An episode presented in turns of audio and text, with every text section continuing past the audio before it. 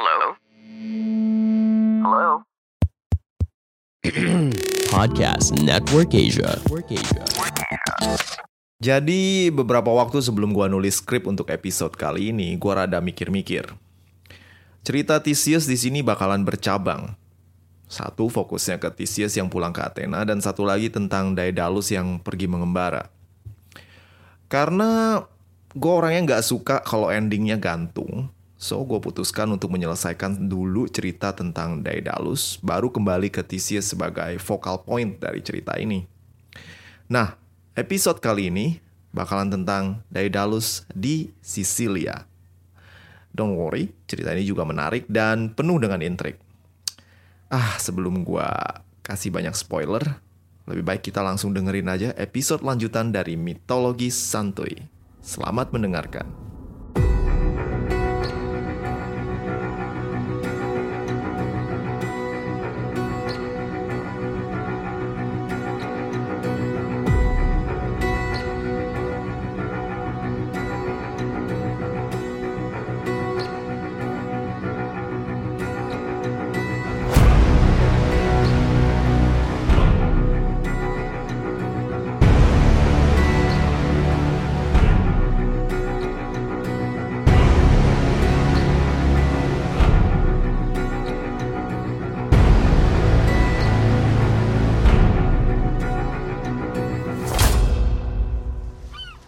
Daedalus mengembara sendirian di tengah luasnya lautan Mediterania pasca meninggalkan Theseus dan juga kuburan anaknya Ikarus. Perasaan sedih nan nelangsa membuatnya tak punya tujuan yang jelas. Kapal kecilnya bergerak mengikuti tiupan angin dan ayunan ombak yang terus membawanya ke arah barat. Daedalus meratapi nasib, menyesal telah berbuat begitu banyak hal yang buruk di masa lalu. Menyesal telah menjadi seorang penemu yang sombong, menyesal telah membunuh keponakannya sendiri, dan juga menyesal telah diberikan berkah kemampuan mencipta yang luar biasa. Agaknya demikian kesedihan seorang ayah yang tak berdaya melihat putranya tewas di depan matanya. Apalagi karena ciptaannya sendiri. Walau kematian Ikarus bukan sepenuhnya kesalahan Daedalus, namun dirinya tetap menghukum diri tanpa belas kasihan. Berhari-hari, tidak, berminggu-minggu, kapal Daedalus terombang-ambing, sementara sang empunya kapal hanya berbaring menatap langit biru sambil sesekali menangis. Daedalus tidak membawa perbekalan yang cukup dirinya memang berniat berlayar sampai mati dan tenggelam dalam lautan. Agaknya niat sang penemu ini mungkin akan kesampaian jika saja kapalnya tidak terdampar di sebuah pulau dengan pantai berbatu. Para nelayan menemukan orang tua yang kini kurus kering ini dan membawanya ke rumah mereka. Sekali lagi, nasib baik berpihak kepada Daedalus. Daedalus terdampar di Pulau Sisilia yang pada masa itu merupakan wilayah dari Magna Graecia. Magna Graecia adalah nama dari koloni bangsa Yunani di daerah yang sekarang merupakan bagian dari negara Italia. Jadi jauh sebelum bangsa Romawi mendominasi wilayah ini, orang-orang Yunani telah bermigrasi dari kampung halaman mereka dan mendirikan koloni di Pulau Sisilia wilayah Apulia, Napoli, Calabria, dan beberapa wilayah di Italia Selatan lainnya. Sisilia kala itu dikuasai oleh seorang raja yang bernama Kakolus. Kakolus adalah raja yang cerdas dan oportunis. Ketika mengetahui sang arsitek kebanggaan kereta terdampar di wilayah kekuasaannya, Daedalus pun kemudian dipanggil menghadap. Awalnya Daedalus enggan untuk membaktikan dirinya kembali kepada seorang raja. I mean, raja yang kemarin aja masih mencak-mencak dan kepengen ngambil nyawanya.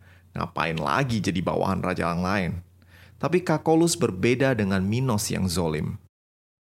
Kakolus memperlakukan Daedalus dengan baik dan memberikannya tempat tinggal serta unlimited wine yang sukar ditolak oleh Daedalus Selain itu, hal yang membuat Daedalus akhirnya luluh dan mau menjadi abdi Kakolus adalah adalah ya sebut saja namanya Maria. Tidak ada catatan mengenai nama si putri Kakolus ini. So yeah, why not? Maria it is.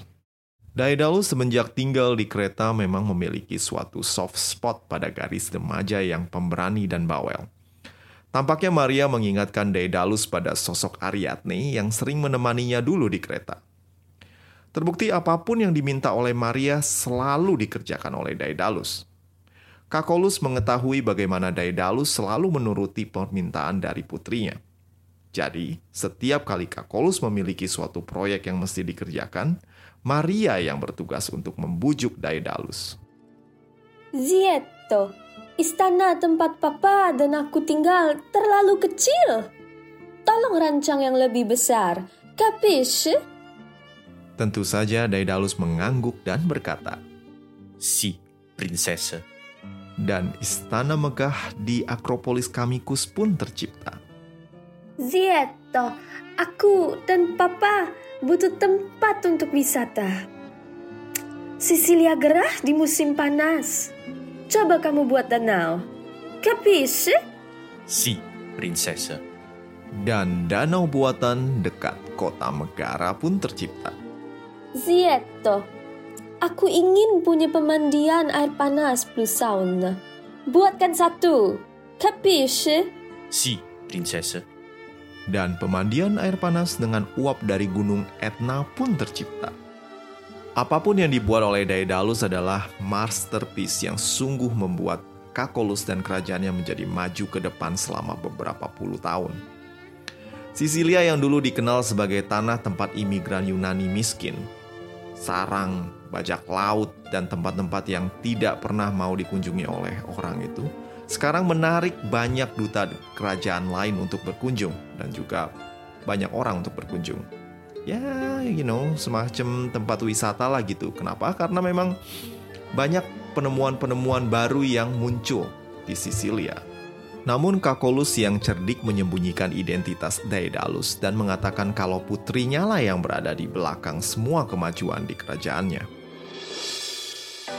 Dan sekarang mari kita dengarkan satu dua kata dari sponsor kami. Apakah kamu mencari hijab baru? Hijabenka adalah tempat terbaik untuk menemukan hijab baru favorit kamu. Kami memiliki berbagai pilihan hijab yang akan membuatmu tampil lebih kece. Dengan berbagai pilihan warna, pola, dan style, mungkin akan sangat sulit memilih karena terlalu banyak pilihan. Lihat website kami hari ini dan temukan alasan Hijabenka adalah salah satu toko hijab terbaik. Belanja sekarang dengan menggunakan tautan yang tersedia di deskripsi episode. Sejenak kita tinggalkan Daedalus dan hidup barunya di Sisilia. Dan mari kita sapa kembali teman lama kita Minos yang suka marah-marah. Walaupun telah bertahun-tahun setelah kaburnya Daedalus dan Ikarus dari kereta, Minos tetap gigih mencari sang arsitek pengkhianat yang telah mencoreng mukanya. Apalagi setelah Minos mengetahui kalau Pasiphae pernah bermain bermain mata dengannya. Minos kemudian mengirimkan armadanya ke kerajaan-kerajaan di sekitar Laut Mediterania, namun tak berhasil menemukan Daedalus yang ternyata bersembunyi di kerajaan Kakolus. Mengetahui bahwa tak mungkin mencari sang arsitek dengan cara biasa, Minos pun kemudian menggunakan strategi lain. Minos amat mengenali karakter Daedalus yang sombong dan menganggap dirinya paling pintar sedunia. Untuk memancing sang jenius keluar dari persembunyiannya, maka diperlukan cara yang jenius juga. Minos kemudian mengadakan suatu sayembara kepada siapa pun di seluruh penjuru dunia. Siapa pun, Anda juga boleh kalau mau. Tapi tentu saja nggak bisa karena masalah waktu, transport, dan juga universe. Ah, ngomong apaan sih?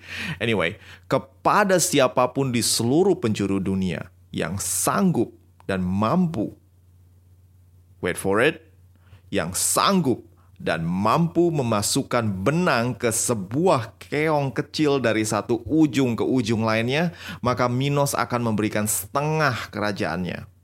Sounds good, right? Well, Minos tahu bahwa ini adalah perkara yang sulit buat siapa pun karena keong memiliki struktur lingkaran berlapis-lapis di dalamnya. Namun Daedalus bukanlah orang biasa. Dan dengan kecerdikannya, tentu saja hanya Daedalus yang sanggup. Segera sayembara ini diumumkan ke seluruh penjuru peradaban saat itu. Dan banyak orang dari Libya sampai ke Mesir mencoba memasukkan benang ke dalam keong. Dari bapak-bapak, ibu-ibu, mbak-mbak sampai ke engkoh-engkoh dan enci-enci yang lagi travel pun ikutan dan tak ada seorang pun yang sanggup untuk melakukannya. Dan sayembara ini pun kemudian sampai di telinga Kakolus yang langsung tahu kalau ini hanya akal-akalan Minos untuk mendorong Daedalus keluar dari persembunyiannya. Walau iming-iming setengah kerajaan Minos sangat menarik untuk orang kebanyakan, Kakolus tak bergeming. Baginya lebih baik memiliki seorang Daedalus yang bisa membuat kerajaannya maju. Lain Kakolus, lain dengan putrinya, Maria. Hadiah yang ditawarkan oleh Minos terlalu menggiurkan untuk dilewatkan begitu saja. Tanpa sepengetahuan ayahnya, Maria meminta Daedalus untuk memasukkan benang ke keong. Zieto, tolong masukkan benang ini ke keong dari ujungnya keluar sampai ujung satu lagi. Capisce? Si, prinsesa. Si.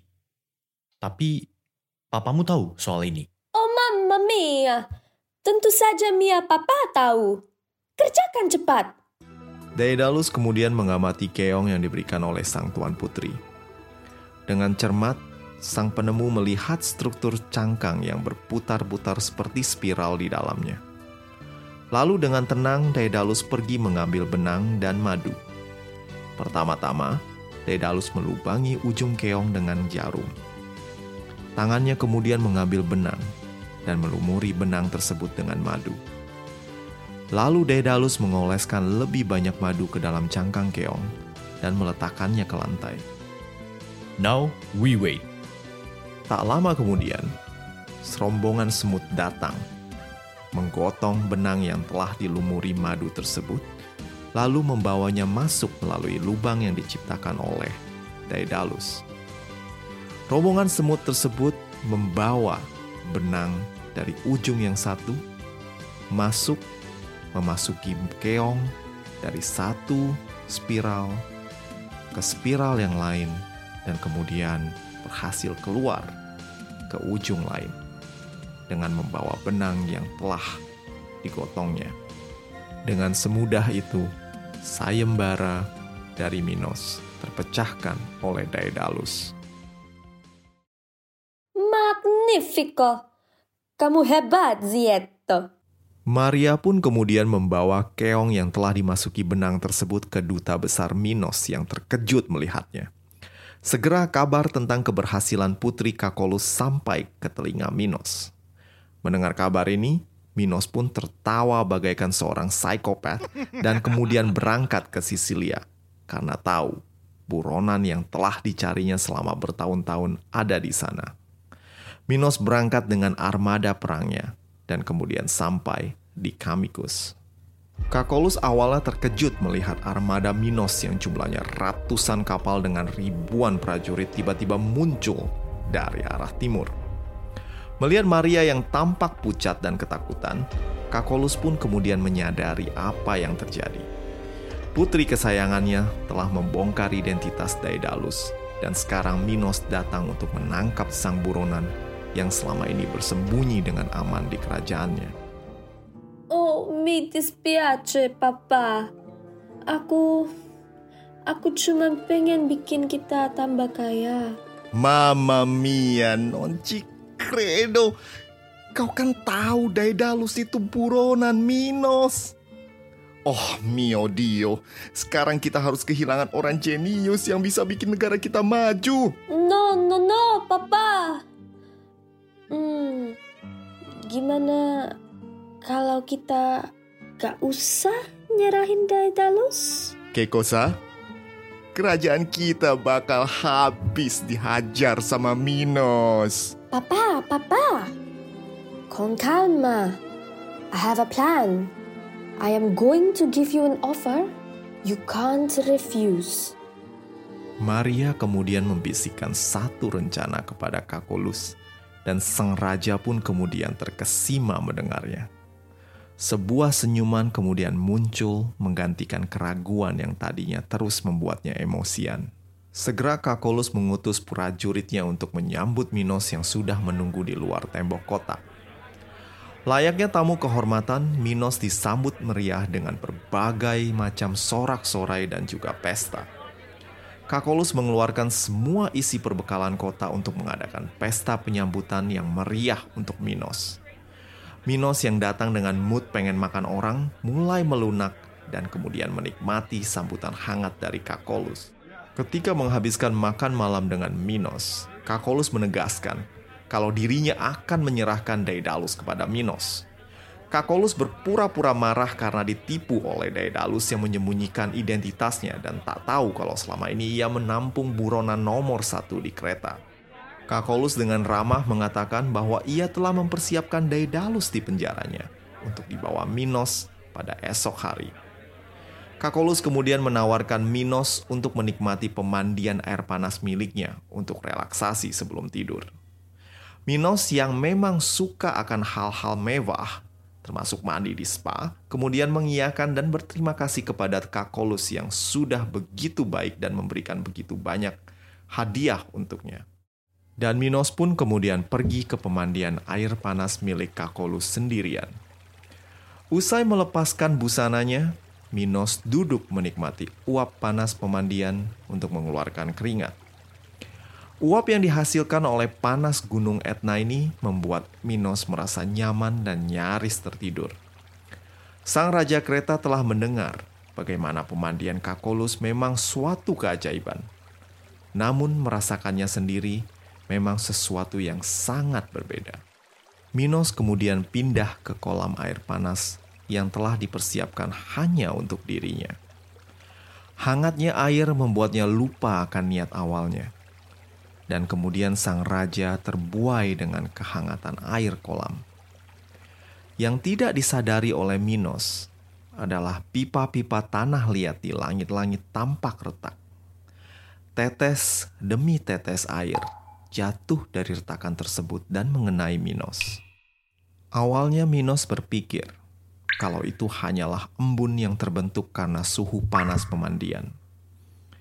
Sang raja terus melanjutkan acara rendemannya. Namun, tetesan air semakin lama semakin intens dan kemudian berubah menjadi aliran air panas yang mendidih. Pipa saluran air panas pecah dan aliran air tersebut tercurah bagai air bah ke tubuh Minos.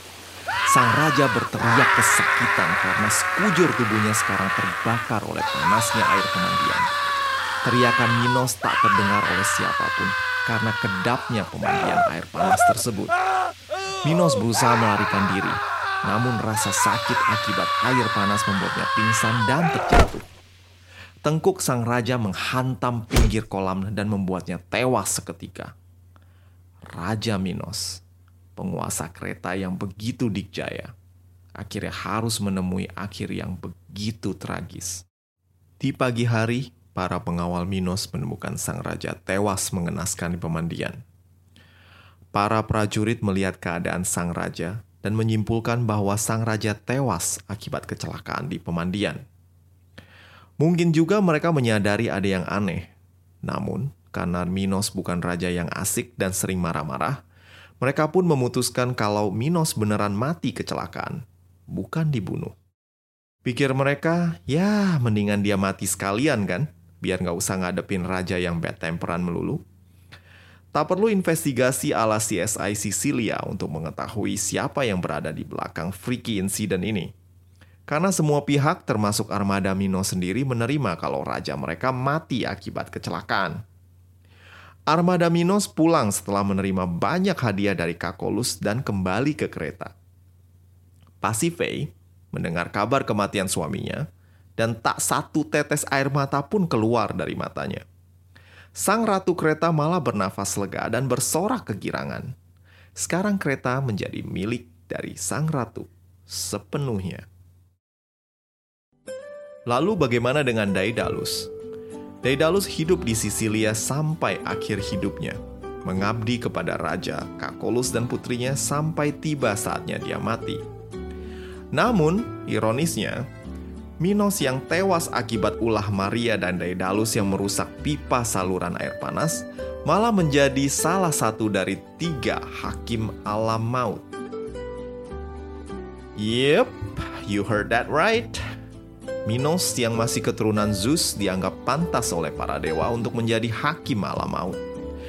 Banyak referensi karya sastra yang melibatkan peran Minos di alam maut, seperti Inferno karya Dante Alighieri yang populer itu. Well, kalau kalian males baca, mungkin bisa main gamenya dan beat the shit out of Minos. Sorry, uh, go offside lagi. Gak ada cerita yang menjelaskan bagaimana Daedalus akhirnya bertemu dengan Minos di alam baka. Yang jelas, kayaknya bakalan awkward banget. Ya, lu bayangin aja sang arwah pembunuh dengan korban yang menjadi hakim alam maut. Hmm, sounds like true irony. Sebelum gue akhiri episode kali ini, gue pengen kasih tahu kalau minggu depan podcast Mitologi Santuy bakalan libur. Jadi, kita akan balik lagi dua minggu ke depan. Gue pengen liburan biar dapat inspirasi baru untuk podcast kesayangan kita ini. Oh ya, check out IG Mitologi Santuy juga ya, karena gue suka randomly post meme atau cerita-cerita tentang mitologi Yunani. Anyway, gue mau mengucapkan terima kasih kepada Bro Edi dan juga Syah yang sudah menyumbangkan suaranya di episode kali ini. Tanpa kalian, episode kali ini yang rada unik gak akan jadi seru. Gue juga mau menyapa dua seseorang yang udah traktir gue di laman traktir mitologi santuy. Seseorang yang pertama bilang kalau baru mulai denger dan langsung dengerin secara maraton. Dan seseorang yang kedua bilang kalau podcast mitologi santuy udah ngasih dia ide buat fashion show. Wow, really, I'm honored. Kita semua di sini berterima kasih untuk semua pesan dan kesan yang sungguh bikin gue dan tim semakin bersemangat.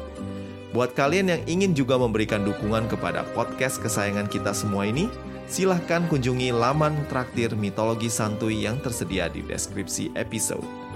Udah dulu ya buat kali ini. Selamat tahun baru, and see you again in the next episode. Ciao!